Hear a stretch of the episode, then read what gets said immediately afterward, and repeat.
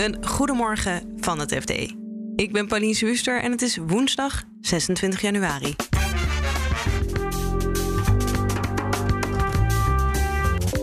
De Tweede Kamer discussieert vandaag over een rapport van de staatsagent die toezicht houdt op de voorwaarden van de staatssteun voor KLM.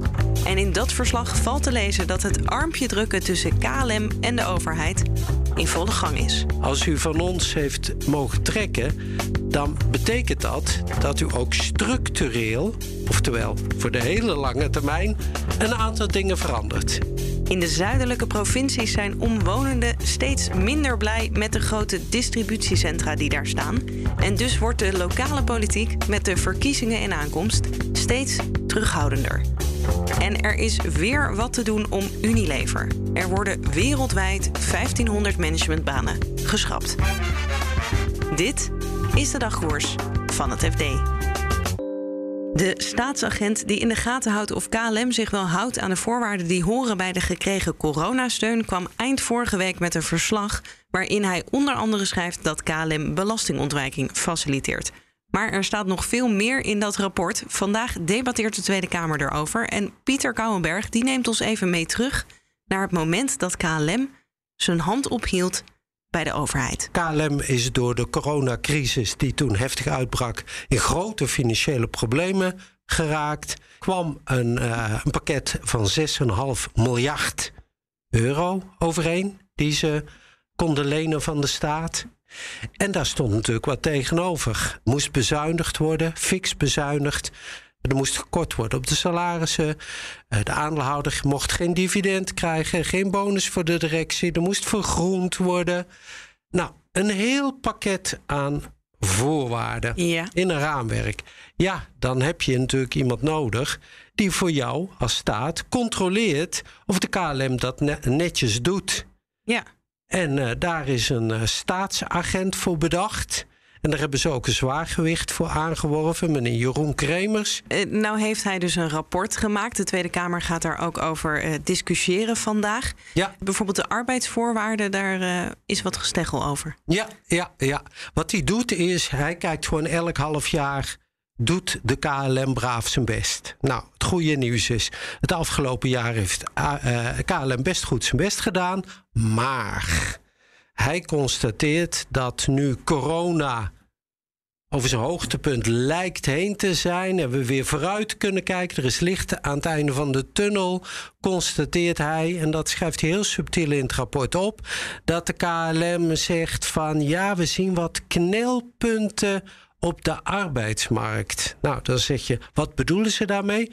Heel simpel. We kunnen de mensen niet betalen wat we graag zouden willen betalen om de mensen te krijgen. Ja, dus die salariskorting, wat een voorwaarde was, ja, daar willen we, we eigenlijk vanaf. Ja. Dat is het eerste punt ja. van wrijving.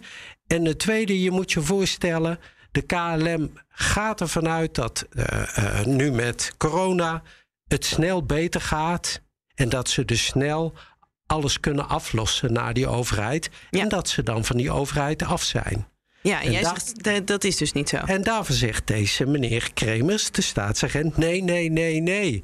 Als u van ons heeft uh, mogen trekken, dan betekent dat dat u ook structureel, oftewel voor de hele lange termijn, een aantal dingen verandert. Het belangrijkste ding concurrerender worden, oftewel goedkoper worden. Want de budgetvliegers, die hebben hun hand niet hoeven op te houden.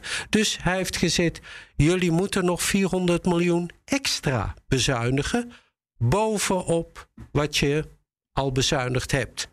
Nou, jij snapt denk ik wel wat de KLM daarvan vindt. Die hebben daar niet zo zin in. Precies. Ja. En is het dan zo dat omdat de overheid nu nog betaalt, dat ze dit ook bepalen? Of heeft de directie van KLM nog wel wat in de melk te brokkelen? Bij, bij wie ligt de macht nu? Nou, ik heb in het verleden wel eens naar ABN AMRO gekeken... toen die gered werden door de staat. Um, natuurlijk heeft het bedrijf zijn eigen verantwoordelijkheid... maar puntje bij paaltje... als je je hand ophoudt bij de staat... dan is de prijs dat je goed moet luisteren naar wat de staat wil. Dankjewel, Pieter. Met plezier. Het lijkt wel alsof er elke dag iets te doen is om Unilever. Onlangs kondigde het levensmiddelenconcern al aan dat ze de focus van het bedrijf gaan verleggen en dat er een overnamebod mislukt is.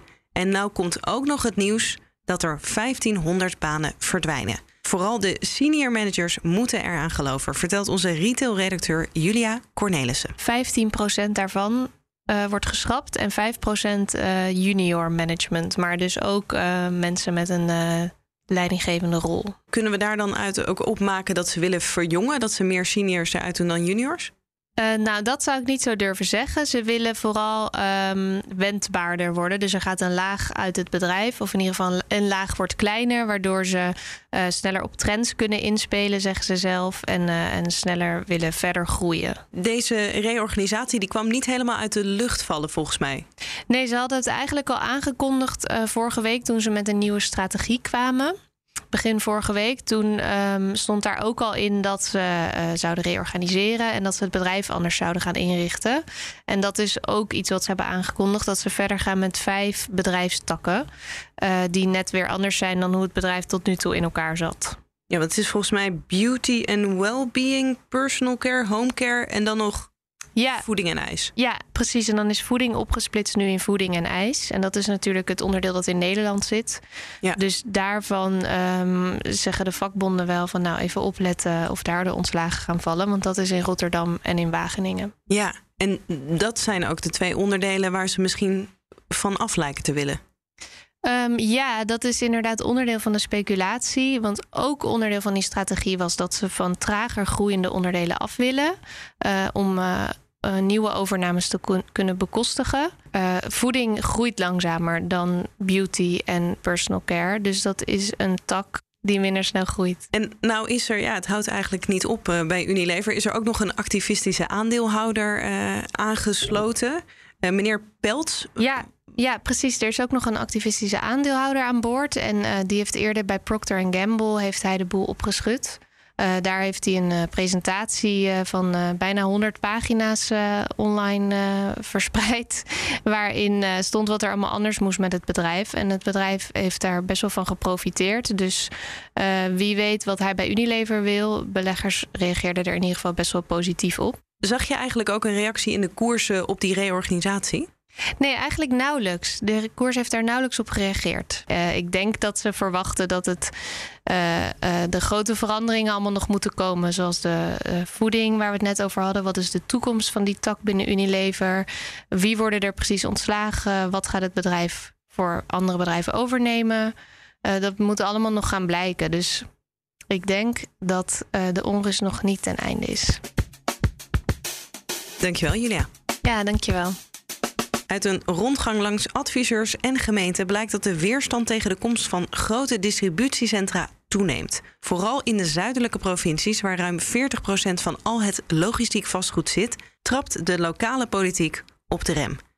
Pieter Lalkens vertelt waar de onvrede zit. De, de omgeving van die distributiecentra, de, de omwonenden, in, toch in een vrij wijde omgeving wel, die uh, is een beetje zat van de aantasting van het landschap. Slurpt natuurlijk ruimte, ook, ook vrije ruimte rond, uh, rond grotere, grotere plaatsen.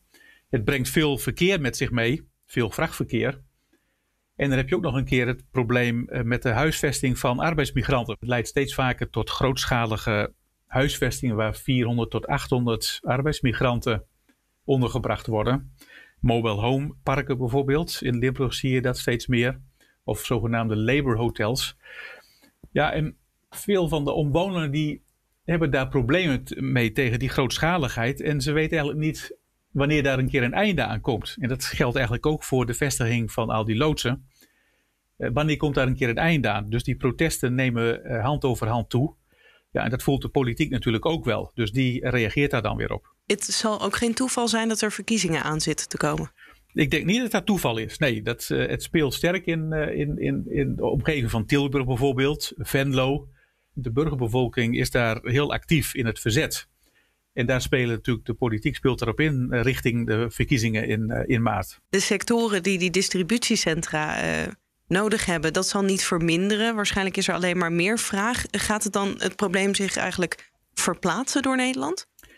Dat wordt wel gevreesd. Als de zuidelijke provincies veel moeilijker gaan doen in het zich laten vestigen van die, van die loodsen, van die distributiecentra, dat je een zogenaamd waterbedeffect krijgt. Uh, daar zijn wel voorbeelden van vrij recent nog. Dat Bestseller, een groot bedrijf, en Jusk, ook uit Scandinavië, nu neer gaan strijken in de omgeving van, van Lelystad. Dus zo gek is die vrees niet. En ja, dan is het natuurlijk zaak om te kijken van hoe, uh, willen die steden dat, willen die plaatsen dat? En ten tweede, hoe pas je dan die distributiecentra beter in? Hoe maak je dat ook aanvaardbaarder voor de bevolking? Hè? Misschien moet je daar ook faciliteit omheen bouwen waar de bevolking ook iets aan heeft. En deze discussie doet een beetje denken aan de discussie rondom de datacentra. Daar is heel veel roep om ook landelijke regie. Is, is dat hierbij ook al zo? Dat is hier ook, uh, hier ook wel zo, ja. Dus uh, de, de Rijksadviseur, um, je hebt het college van Rijksadviseurs, die heeft natuurlijk vorig jaar opgeroepen om een soort tijdelijke stop te zetten op nieuwe locaties voor distributiecentra. Om, om te kijken van, nou, ze slurpen zoveel ruimte en er komt natuurlijk ook vanuit andere sectoren straks een grote ruimtevraag. Of die is er eigenlijk al. We moeten straks een miljoen woningen gaan bouwen.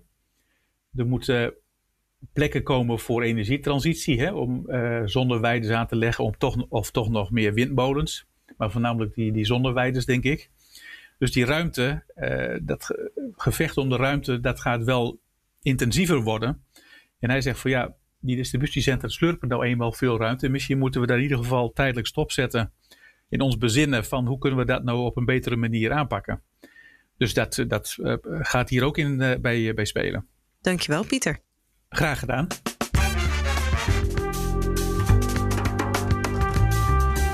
Dit was de dagkoers van het FD. Op fd.nl lees je meer over deze onderwerpen en volg je het financieel-economisch nieuws. Morgenochtend is dagkoers weer te vinden in je favoriete podcast-app. Een hele fijne dag en tot morgen.